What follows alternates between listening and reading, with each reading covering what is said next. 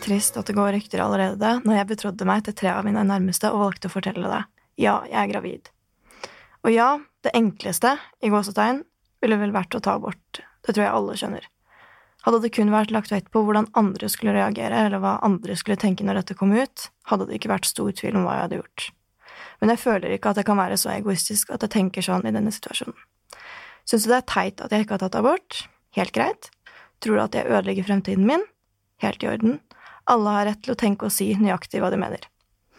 Til alle som ønsker å kritisere, husk på at dere ikke har vært i min situasjon. Dere klarer ikke forstå, og det er helt greit. Dere er uvitende. Men kom ikke og fortell meg hvor enkelt det er å ta abort om du ikke har vært i min situasjon selv. Tusen takk for all støtte fra familie og venner. Jeg forventer ikke at alle skal forstå valget mitt, men jeg forventer at det blir respektert. Da jeg var 16 år, var jeg opptatt av å gjøre mitt beste for å få gode karakterer på skolen, å spille så mye fotball som mulig og flørte med gutta øverst på Snapchat-lista. Da Jessica var 16 år, ble hun mamma. Hun og kjæresten ble gravide da hun var 16 år, og da han var 17 år, og reaksjonene var mange. Foreldrene hennes fikk høre at de hadde sviktet henne fullstendig, og hun fikk høre at hun hadde ødelagt livet sitt. I dagens episode skal jeg snakke med Jessica og hvordan det er å få barn som 16-åring, og alle fordommene hun har blitt møtt med. Hei, Jessica. Hallo. Velkommen til meg. Tusen takk. Så hyggelig at du vil komme hit og skravle litt. Ja, det er veldig hyggelig å bli spurt i det hele tatt. Jeg har gleda meg så lenge. Herregud, så hyggelig. Det er jo, Månedens tema er jo tabu.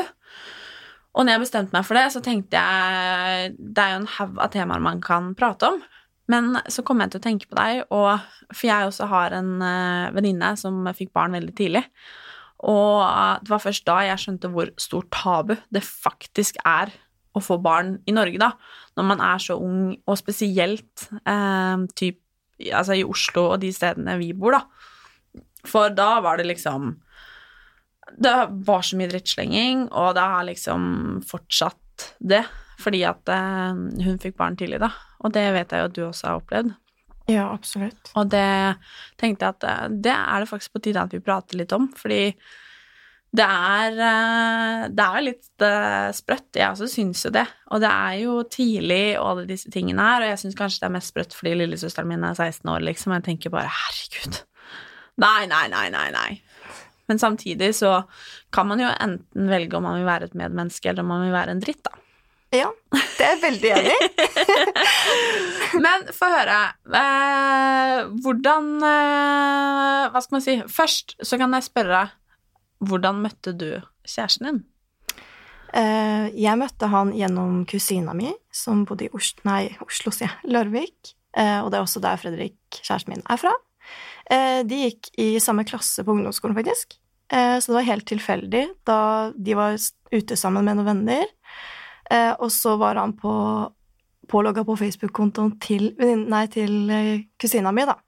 Og så begynte han bare å prate til det han sier, var den peneste jenta på den lista, og da var det tilfeldigvis meg. Flaks, da. Ja, veldig. Og så skjønt var litt mellom der, og så ble dere kjærester. Ja. Hvor, eh, da bodde jo du i eh, Gjøvik. Uh, ja. Hvorfor uh, flytta du til Larvik? For du bor jo i Larvik uh, nå. Ja. Nei, jeg valgte å flytte fordi jeg var lei av å være i avstandsforhold. Um, og så var jeg litt lei av hjembyen min. For all del en veldig fin by, altså, men var litt lei. Ville ha litt forandring. Og så passa det seg sånn at jeg kunne gå videregående på, ja, sammen med Fredrik da, i Larvik. Så da flytta dere sammen, eller flytta du dit? Altså, men var det med han, eller hvordan var det? Jeg flytta egentlig for meg selv, men vi var jo sammen nesten hele tida. Mm. Så man kan jo på en måte si at vi flytta sammen, men vi flytta ikke offisielt sammen før seinere, da. Eh, men da flytta vi, eller jeg, til en hybel på 20 kvadratmeter like utafor Larvik. Og da var du 16 år? Da var jeg 16 år. Og eh, ikke sånn veldig lang tid etterpå så ble du gravid. Ja. Med Fredrik. Det ble jeg. Hvordan, eh, hvordan skjønte du at tenk, Hvordan merka du liksom at det var et eller annet? Altså, det For det første så gjorde jeg ikke det. Det er egentlig litt sprøtt. Um, jeg hadde mye magesmerter nederst i magen. Eh, og var egentlig mer bekymra for om det var noe alvorlig gærent med meg. Eh, så når mamma kom på besøk til meg i Larvik, i den lille hybelen min, så tenkte jeg at hun kunne bli med meg til, til legen, sånn at vi fikk vite forhåpentligvis hva det var for noe. Um, og vi kommer til legekontoret, og de tar alle mulige slags tester, og legen min kan fortelle at det er i hvert fall ikke noe alvorlig gærent. Så da kan du egentlig vente noen dager, og så komme tilbake hvis det fortsatt ikke har blitt bedre. Og rett før vi går ut, så sier hun nei, vent litt, vi tar én test til. Og det var jo graviditetstest, som er en rutine ved magesmerter. Uh, og da får vi egentlig bare beskjed om å gå ut og vente, for vi tenkte jo bare at da skal vi uansett bare si ha det. Tror jeg både Ja, vi alle tenkte. Uh, hun ber oss komme inn igjen uh, og kan fortelle meg at jeg er fem uker på vei. Og da sier mamma nå trenger jeg vin. Klokka elleve på morgenen. Så det er noe jeg har ledd veldig mye av.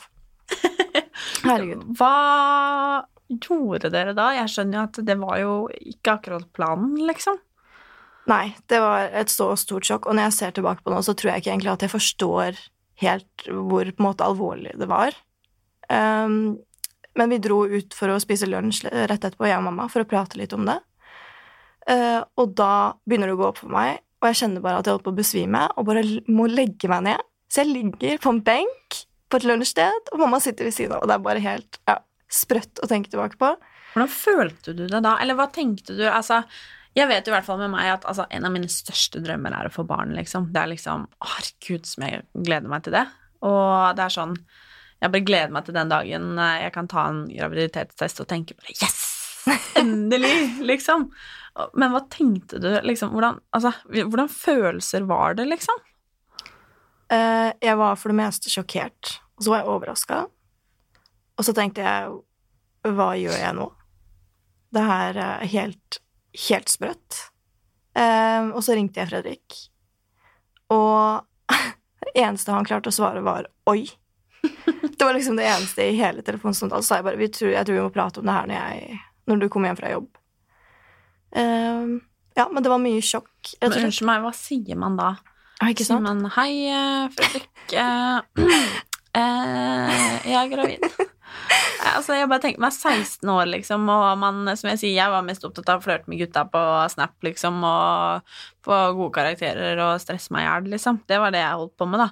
Og det var liksom Jeg tenkte jo ikke tanken på liksom skulle bli gravid, liksom. Det hva, hva, hva sier man da til Dere var jo i hvert fall kjærester, da. Ja. Men ja, altså Ja, hva sa du til han?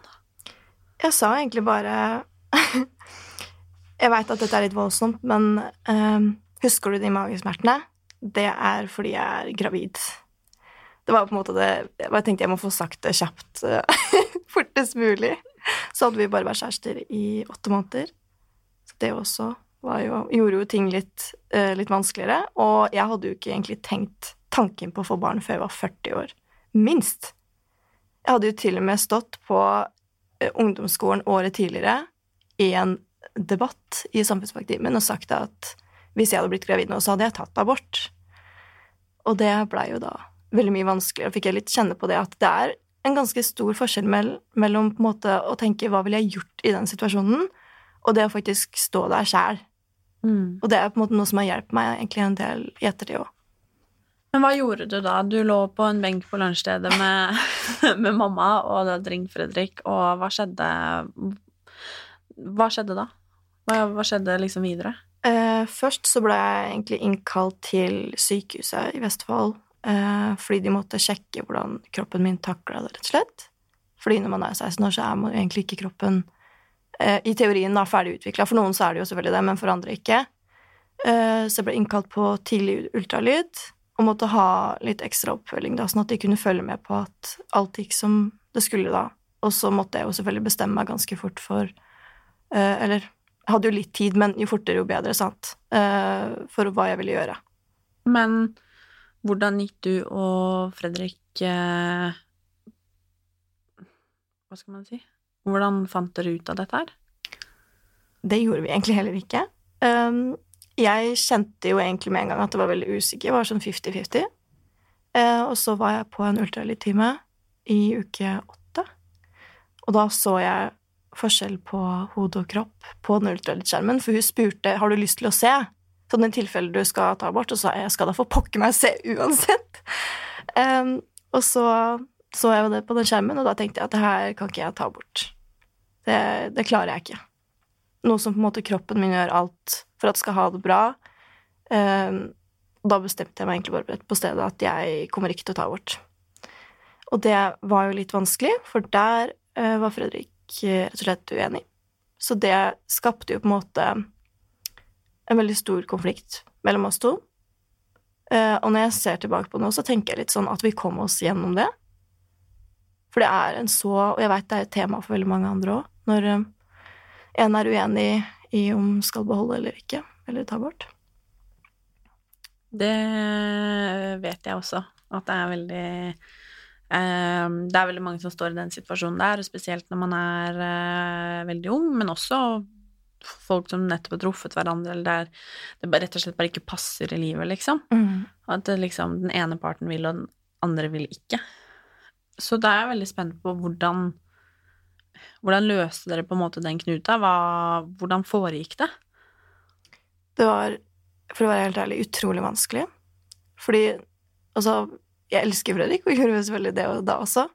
Og det å måtte si at nei, jeg kan ikke Jeg kan ikke gjøre det. For det kjenner jeg med hele meg at det har jeg ikke lyst til å gjøre. Og han var lei seg og frustrert fordi at jeg ikke eller han følte at jeg ikke forsto han, og jeg følte at han ikke forsto meg. Eh, så vi, vi prata veldig mye om det, og vi prøvde å forstå hverandre, men så er det jo fremdeles sånn at når man er helt grunnleggende uenig, så er det jo vanskelig å bli helt enig. Eh, så jeg sa til og med på et tidspunkt at hvis du ikke vil være involvert i det her, så er det helt greit, men dette må jeg gjøre. Um, og så gikk det litt tid, for da var vi jo litt ute i svangerskapet.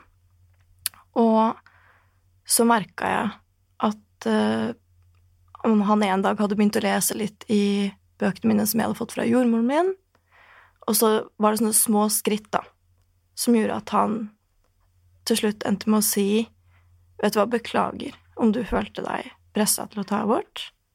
Det her har jeg lyst til å ta del i, og det her skal vi klare sammen. Åh, ja. fine Fredrik. Han er jo det. Hella, nå fikk jeg tårer i øynene. Og skikkelig ståpels. Ja. For et voksent valg av Da var han vel fylt 18? Ja. Eller 17-18. Jeg ja. tror han var 17, faktisk. For et voksent, altså reflektert ja. Altså, det er eh, Det er ganske stort å velge å eh, stå i det. Ja. Det er det ikke alle som eh, er i stand til. Nei. Og jeg tenkte på et tidspunkt at nå blir jeg aleine. Så tenk, da tenkte jeg liksom nå må jeg ta utgangspunkt i at jeg blir aleine, for jeg kan ikke garantere for at Fredrik er der når jeg gjør rett og slett det totalt motsatte av det han ville. Var du redd da? Ja. Hva var du liksom redd for? At det skulle bli veldig, veldig tøft. Mm. Hvordan eh, forteller man eh, til eh, sin nærmeste at man har blitt gravid, eh, når ingen andre kanskje har tenkt at det er tidspunkt for det? Det er et veldig godt spørsmål. Uh, jeg valgte å bare si det som det var. Si, altså bare fortelle enkelt og greit jeg er gravid, og jeg kommer til å beholde barnet, og jeg håper at jeg har støtten deres. Og familien min har vært støttende fra dag én. Eh, og det er jo på en måte det familie er til, og de skal alltid være der. Eh, men det er klart, altså, jeg forventa jo ingenting. Det var jo helt sprø situasjon å være i. Jeg hadde jo Ja, jeg var jo 16 år. Uh, men ja, jeg er veldig utrolig faktisk takknemlig for at familien min alltid har vært der. Det Ja. Hvordan fortalte du det liksom til Eller hvordan fikk alle andre vite det? Da valgte jeg å dele en Facebook-status. Fordi det begynte å gå rykter. Og da tenkte jeg at jeg orker ikke å sitte fire timer unna hjembyen min og tenke på om noen prater dritt om meg.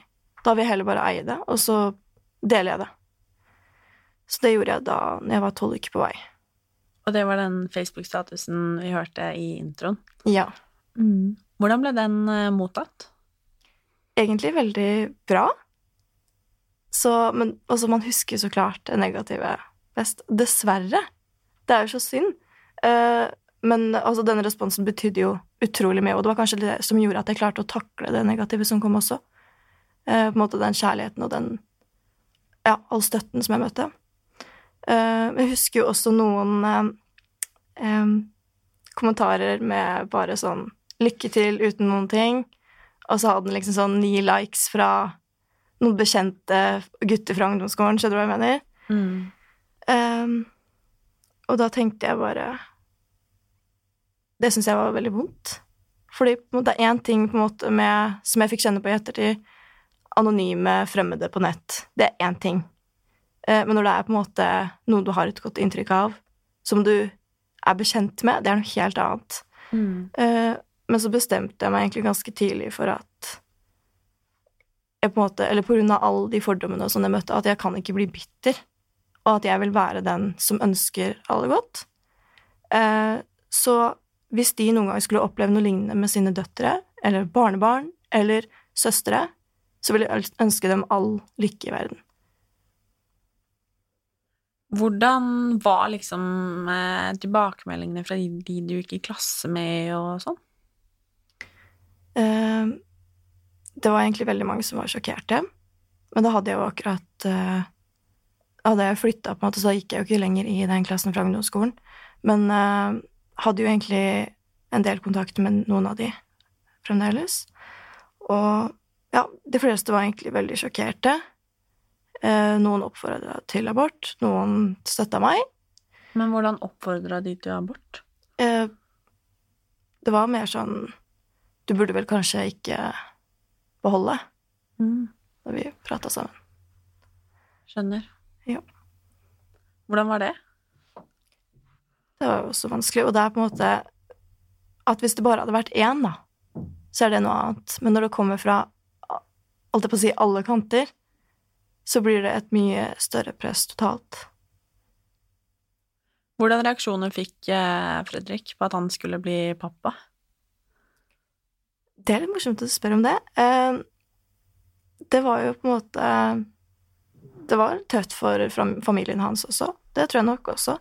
Men det var nok jeg som fikk mest av den kyllebøtta, hvis jeg skal kalle det det. Eh, Fordi jeg var mammaen. Og jeg vet ikke hva som er grunnen til det. Kanskje det er fordi at det, samfunnet ikke på en måte er vant til at pappaen er der når det er unge foreldre. Mm. Eller kanskje det er helt andre grunner. Det er vanskelig å si. Men jeg tror du har rett i det du sier, med at det, jeg tror det er Det er lettere å på en måte legge skylda på jenta, da, enn Mm. gutten. Det er jo litt sånn generelt, og uten at det nødvendigvis er noe graviditet og barn inne i bildet, Ja. men at liksom jenta Hun er liksom en slutt, liksom, mens Mm. gutta er kongen på haugen, liksom. Og selv om sikkert ikke folk tenkte på Fredrik som kongen av haugen i den situasjonen, så kom nok sikkert han best ut av det, og jeg blir ikke så veldig overraska over å høre det, faktisk. Nei. Det tror jeg på. Mm. Men eh, hvordan var veien videre, da? Du hadde delt det, du eh, skulle nå bli Eller dere skulle nå liksom bli foreldre. Ja. Slutta du på skolen, eller hva Hvordan foregikk det? Eh, jeg begynte faktisk på videregående den høsten, i Larvik, sammen med mitt kull, og vel vitende om at jeg var gravid. Em, men jeg var ekstremt dårlig, så jeg gikk et par dager på skolen, eh, men på grunn av formen min, på, igjen av graviditeten, så var jeg så dårlig at jeg ble nødt til å droppe ut. Eh, Jeg husker at det satt så utrolig langt inne. Um, fordi det kanskje er en del av på en måte den stereotypen som mange har, eller som mange oppfatter som unge mødre, da. Uten utdannelse, ikke sant? Ung. Ja, det Jeg følte meg jo ikke så veldig høy i hatten da når jeg satt i hybelen min på 20 kvadratmeter. Droppa ut fra videregående og, ikke sant, satt og kasta opp fordi jeg var gravid. Det var liksom Ja. Men eh, jeg prøvde, og sånn jeg ser det i dag, så var det helt riktig å stoppe når jeg var for dårlig til å gjennomføre. Og så flytta dere sammen. Ja. Ja. Til eh, noe litt større enn eh, 20 kvadratmeter. Ja. Bitte litt, i hvert fall. For da skulle dere jo få barn. Ja. Ja. Det var jo Altså, det gikk jo så fort. Og da flytta vi til en veldig, veldig fin leilighet som lå i Larvik sentrum. Med utsikt og to soverom. Og så begynte vi å innrede barnerom. Og så fikk vi omsider da sønnen vår, Som heter Leo. Leo. Ja, Fint navn. ikke sant? Hvordan eh, var liksom det da, når du, eh, du fikk eh, barn, og alle dine klassekamerater og jevnaldrende var kanskje mest opptatt av å kanskje feste og skole og ting som 16-åringer er opptatt av, liksom? Hvordan var det å på en måte da sitte hjemme med en nyfødt baby og kanskje se på sosiale medier og som alle andre liksom holdt på med? Det jeg syns var mest sårt, tror jeg var eh, alt som var skolerelatert. Fordi det var så sosialt. Eh, men jeg visste, og hadde gått veldig mange runder med meg selv, at jeg visste at det her må jeg gi avkall på hvis jeg skal gjennomføre det her. Og jeg har jo, som alle andre, også hatt drømmer om hva jeg har hatt lyst til å gjøre, eh, men som jeg har valgt å legge bort fordi jeg ble gravid. Jeg hadde lyst til å ta et år i utlandet og studere. Det kan jeg jo ikke. Eh, og jeg kunne jo ikke følge mitt årskull og ja, de, mine jevnaldrende da, på skolen.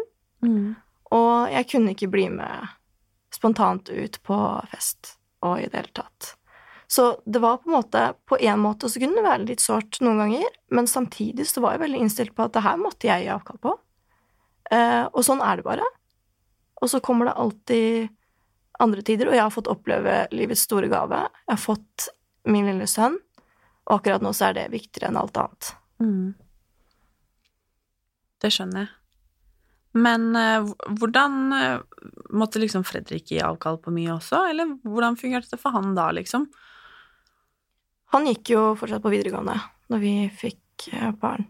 Um, så Altså, han kunne ikke bli med på alt sosialt. Han tok jo absolutt sin del av foreldrerollen.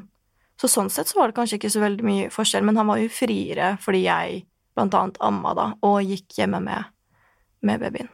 Mm. Hvordan opplevde du liksom at folk snakka mye dritt og sånn da, eller var folk liksom generelt eh, positive og ålreite? Det var litt blanda. Eh, da hadde jeg oppretta bloggen min, så da var det litt der. Men utover det så var det en del positivt. Det var det. Hvordan var tilbakemeldingene, eller hvordan var liksom kommentarene på de som ikke var hyggelige? Hva mente de?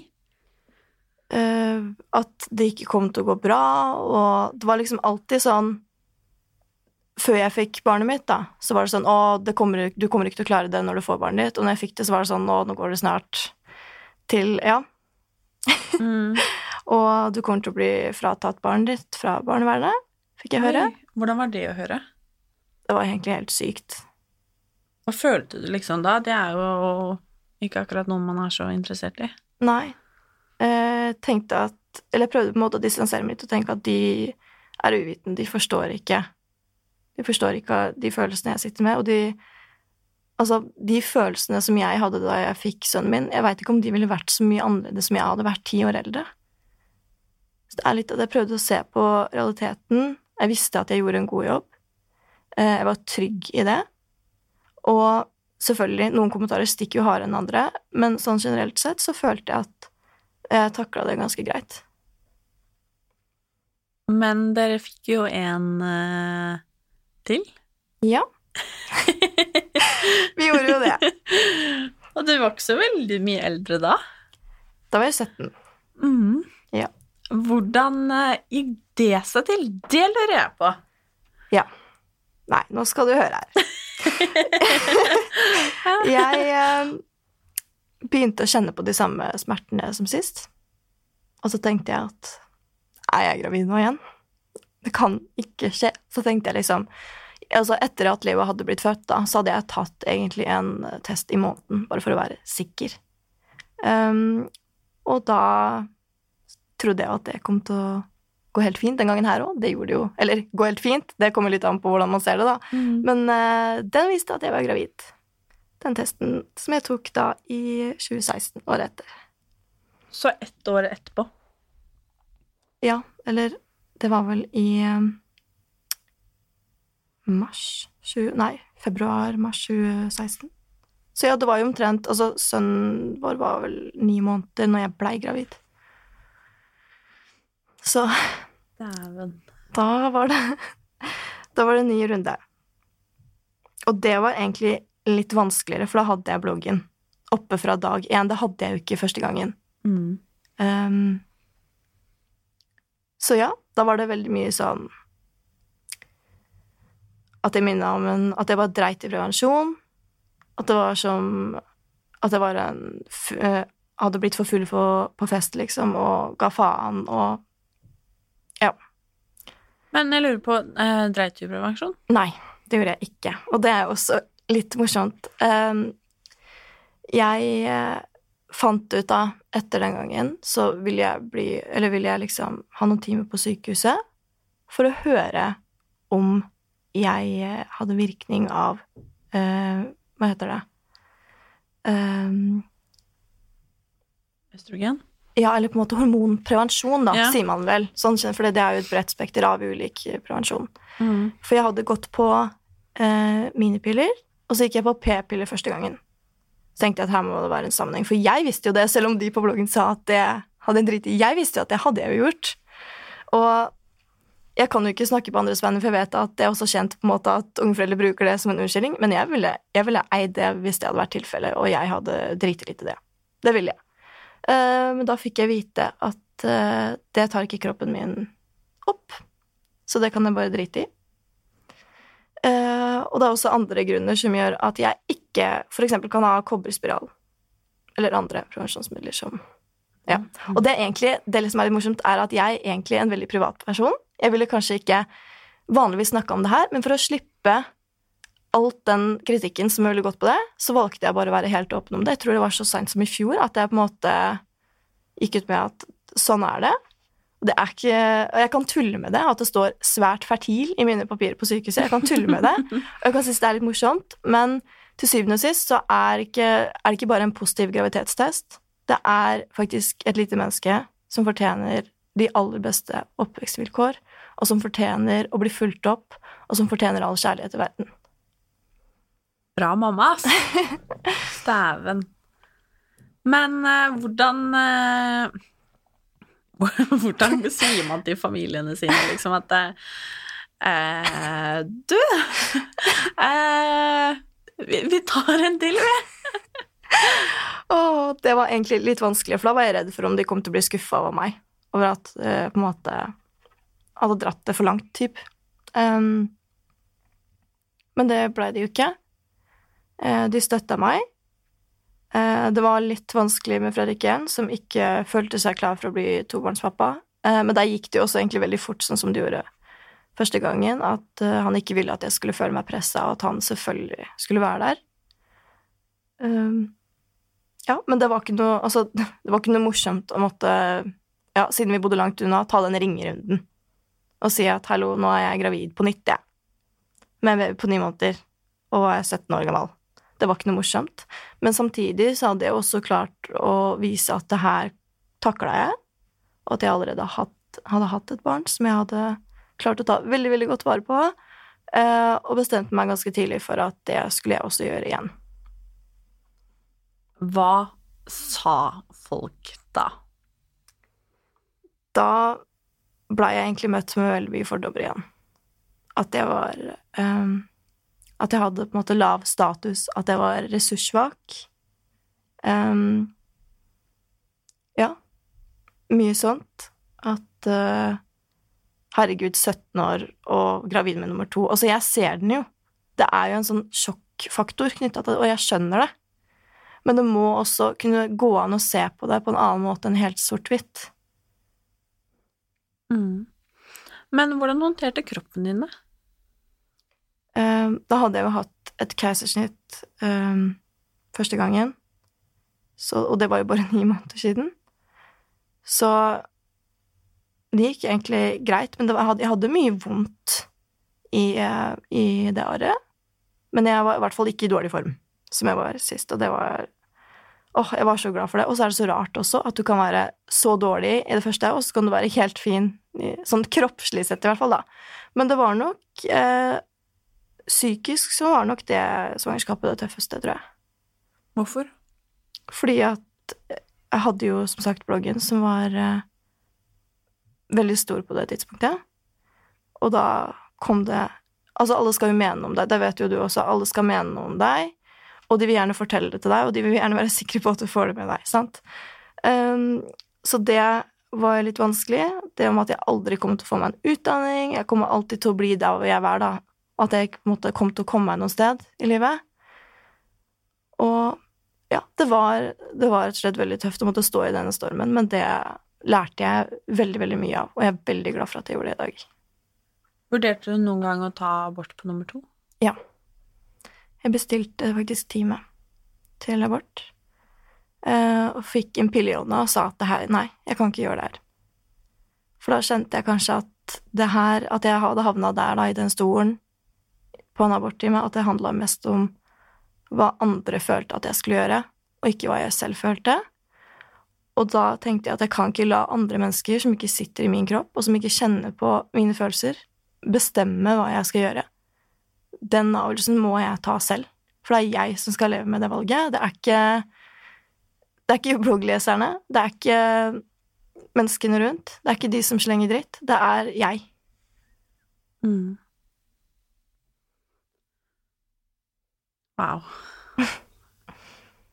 Jeg bare tenker liksom med meg selv, liksom, og tenker på den styrken eh, du har hatt og har. Jeg lurer nesten litt på hvor i alle dager du henta den fram fra, liksom. Om det er en sånn mammas superkraft, eller eh, hva det er. Fordi det er ganske Både av deg og Fredrik ganske voksent og modent, syns jeg. Dere er uh, mm. Men så lurer jeg også på eh, hvordan det på en måte har vært for forholdet deres. Fordi det er klart at dere var jo veldig, veldig unge, og det er klart uh, Jeg har også vært sammen med kjæresten min Uh, Traff han da jeg var 16, jeg også. Uh, vi var ikke klar for å få noe barn, for å si det sånn, da. ikke det helt ennå heller. Og uh, vi så har jo hatt uh, vårt, liksom. Og det er klart eh, Ja, hvordan har er, Når man er unge, og man det er mye inntrykk, og man vokser og forandrer seg, og tjo og hei, liksom. Så hvordan har forholdet på en måte takla det her? Å liksom ha to småbarn i en så ung alder, liksom? Ja, fordi det har jeg egentlig fått en del spørsmål sånn generelt òg, og vi ser jo bare på oss som på en måte en helt vanlig småbarnsforeldre. Vi tenker jo ikke på at oi, vi er unge. Vi lever jo bare som alle andre småbarnsforeldre. Men eh, Og jeg tror det er tøft for alle å få foreldre Nei, å få foreldre. Å få barn. Uh, uansett hvor gammel man er, så tror jeg det tærer på forholdet. Eh, og det har det også gjort for oss. Vi har hatt to brudd, intet mindre, uh, de siste åra. Nå har vi jo To stykker altså? to brudd. Vi har jo vært sammen siden 2013 med da to pauser, kjent hverandre i syv år. Um, ja, det har, det har utvilsomt vært tøft. Hvorfor har det blitt på en måte slutt eh, Når dere har gjort det slutt, har det på en måte vært fordi at eh, dere ikke har vært, hatt tid til hverandre, eller er det Altså er, Har det da vært som et hva skal man si, vanlig eh, familiebrudd, om du skjønner hva jeg mener? Eller har det på en måte vært et tenåringsbrudd, hvis du forstår spørsmålet mitt? Ja, nei, altså det er litt vanskelig å svare på. Jeg tror det har vært eh, på grunn av flere ulike faktorer. Så kanskje litt begge deler. Det Ja. Og hva har vært årsaken til at dere har eh, liksom funnet tilbake til hverandre igjen? For Flytta dere fra hverandre? det var full pakke, liksom? Eh, første gangen gjorde vi ikke det. Uh, andre gangen så gjorde vi det. Så Og hvor lenge var det slutt, da? Cirka et år. Hvordan var det da å plutselig bli liksom alenemamma? Det var vanskelig. Um, men altså, jeg tenkte jo bare at det her må jeg bare håndtere så godt jeg kan. Mm. Og så hadde, kom det med en fordel at jeg var veldig trygg på at jeg gjorde en god jobb som mamma, uavhengig av om Fredrik var der eller ikke, da. Mm. Um, men så klart, vi Det var jo så godt å finne tilbake til hverandre. Fordi Ja, jeg Hvordan tror gjorde dere det? Var det for, mest for deres skyld, eller mest for barnas skyld, liksom? det var for våre skyld. Men jeg skjønner at det er lett å tenke at det kanskje kan ha vært for sånn Ja, utenfra. Det skjønner jeg veldig godt. Uh, men nei, det var fordi at jeg Ja, jeg følte meg på en måte ikke Å, det blir veldig sånn klisjé, men jeg følte meg ikke helt hel, på en måte. Jeg følte at han mangla, og så kjente jeg også på at det er ingen andre der ute som kommer til å på en måte elske barna mine på den måten Eller barna våre på den måten Fredrik gjør. Og jeg vil gjøre det jeg kan for at vi skal kunne leve som en familie, fordi jeg er veldig, veldig glad i Fredrik. Mm. Har du lyst på flere barn? Ja. Du Jeg har det, ja? Ja, så klart. Eh, hvor mange da? Er det lov å spørre om det? Hvis jeg kunne velge selv, så hadde jeg sikkert fått fire-fem, tenker jeg. Hvis jeg kunne velge Ikke selv. til? Nei, er du gæren? Ja, altså for all del, feel free. Men altså fire, altså fire til sammen. Fire-fem til sammen. Ja. Ja, såpass, ja. Ja, men det, det, er sprekt. Ja, altså, Men det er fullt mulig. Jeg har sett folk eh, klare det før. Jeg. jeg elsker jo barn. Mm. Um, men jeg har fått beskjed om at jeg bare kan få et til. Så det blir nok eventuelt bare et til. ok, hva Hvorfor? Um, fordi jeg har hatt to keisersnitt, um, og hatt veldig mye arve, blant annet, og en del andre komplikasjoner på en måte rundt det, som gjør at, de, at livmoren min ikke tåler mer, rett og slett, enn ett. Og da vil det også være på en måte litt risikosvangerskap, så må ha litt ekstra oppfølging og i det hele tatt. Skjønner. Ja. Men er det liksom noe du kunne tenke deg nå, eller har du lyst til å vente med det? Det vil jeg vente med. Fordi Absolutt. du har jo faktisk eh, begynt på skolen igjen, Ja, og det fortjener en liten applaus. Så jeg gir deg en liten applaus her nå. Det syns jeg er skikkelig For hvor eh, gamle er barna nå? eh, tre og fire. Kult. Ja. Men da går de i barnehage? Ja. Og mens de er eh, i barnehagen, så er du på skolebenken. Det er jeg. På videregående. Andre året på videregående. Mm. For du måtte begynne helt på nytt. Ja. Ja. Jeg måtte jo det. Ja, selvfølgelig. For at du var jo Ja, selvfølgelig. Så Og hvordan har det vært? Å begynne liksom med de som er ganske mange år yngre enn deg, liksom? Ja, det kan du si. Og det var noe jeg tenkte før jeg begynte på skolen også. Da tenkte jeg sånn Ok, jeg er ikke her for å få meg venner. Jeg må bare overleve, på en måte. um, men så kom jeg i en veldig, veldig fin klasse. Eh, og trives veldig godt. Veldig flinke lærere. Eh, I det hele tatt veldig støttende. Og ja, ønsker at Jeg føler på en måte at læreren også ønsker at jeg skal klare det her, og det er så utrolig godt å føle. Eh, Så det har egentlig vært en utelukkende positiv opplevelse for meg. Så bra. Mm. Det er fantastisk. Og hvordan har det liksom da gått å kombinere videregående med å være tobarnsmamma? Det har jo tidvis vært litt vanskelig, for det er jo sånn at når du har barn, så har du mindre timer i døgnet enn den vanlige videregående eleven, sant? Så det har blitt mye seine netter. Senest i går, eller natt til i går, satt jeg oppe, hadde prøve i går på skolen. Uh, Så altså, jeg kan ikke på en måte si at min metode er ideell, for jeg velger å sette, sitte mye opp om natta for å ha nok tid med ungene også på dagen. Men det har fungert for meg. Men uh, hva skal jeg si at uh, hvordan Eller hva har du liksom lyst til å Har du lyst til å studere når du er ferdig på videregående, eller har du da Hva tenker du? Da skal jeg studere eh, psykologi eller rettsvitenskap. Spennende. Ja. Veldig. Veldig spennende. Men det, det også er ganske imponerende, å klare å kombinere det, liksom. ja. Jeg Mm. håper jo at det vil gå greit, det også. Jeg, jeg er innstilt på at jeg klarer det jeg har lyst til. Det, Det digger jeg. ja. Heia folk som har tro på seg sjæl. ja. Det er dødskult. Og så lurer jeg på For um, det er jo uh, mange der ute som uh, står i din situasjon, eller som den situasjonen du har vært i, da, og måtte ta et valg. Og uten å på en måte ta hensyn til hvilket valg man velger, man gjør, velger det ene eller det andre. Har du noe råd til de som sitter der og tenker hva skal jeg gjøre nå? Um, da tror jeg kanskje jeg må si stol på magefølelsen din. Fordi den Den stemmer nesten alltid, føler jeg. Mm. Og du kjenner inni deg hvis noe er galt, eller hvis noe er riktig. Og det er kanskje ikke 100 for det var noe jeg også kjente på, at du blir kanskje ikke 100% på et valg, men det som er mest riktig, å gå for det. Det tror jeg er det beste rådet jeg kan gi. Mm. Har du også noe du har lyst til å si til alle de som eh, snakker litt dritt til de som på en måte gjør noe annerledes, eller som står i din situasjon, eller de som kanskje er litt uvitende og velger å rakke ned på å være en dritt for, som vi sa i starten her, å være et medmenneske, liksom? Ja, altså De orda som vi sier, de kan vi ikke ta tilbake igjen. Eh, og det blir jo igjen litt sånn klisjéaktig, men det er veldig viktig å tenke på. Fordi de orda betyr noe. Eh, og selv om du kanskje ikke engang tenker så veldig mye over at det er litt sånn Du prater litt om hun som har blitt gravid, eller Ikke sant? Som er veldig ung. Så betyr det noe for den personen.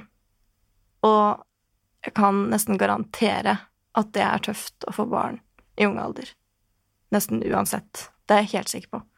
Fordi nettopp det er så mye av de fordommene. Så da vil jeg kanskje si at eh, tenk på hva du sier, og, og om det bringer med seg noe bra eller ikke. Mm. Tusen, tusen takk for at du ville komme til meg og prate med både meg og alle de som eh, lytter. Det var veldig fint. Takk for at jeg fikk komme. Jeg tror kanskje, selv om man ikke på en måte har stått i den situasjonen som du har gjort, eh, og har de erfaringene du har, så tror jeg vi alle sammen trenger en liten sånn påminnelse om å liksom kanskje ikke tråkke sånn på valgene eh, som andre gjør. For det tror jeg vi er eksperter på. Mm. Liksom tenke at eh, med en gang noen gjør noe annerledes, så skal vi liksom snakke om det og rakke ned på det. Og selv om vi på en måte kanskje ikke sier noe stygt, Mm. så er det liksom hva godt kommer ut av med å på en måte si det vi gjør nå. Og tenk, tenke oss litt om det. Jeg tror alle liksom trenger en sånn påminnelse Ja, om å rett og slett bare være litt mer ålreit, liksom. Du veit jo aldri hva noen egentlig går gjennom. Det er helt sant. Mm. Tusen takk for at du kom. Takk.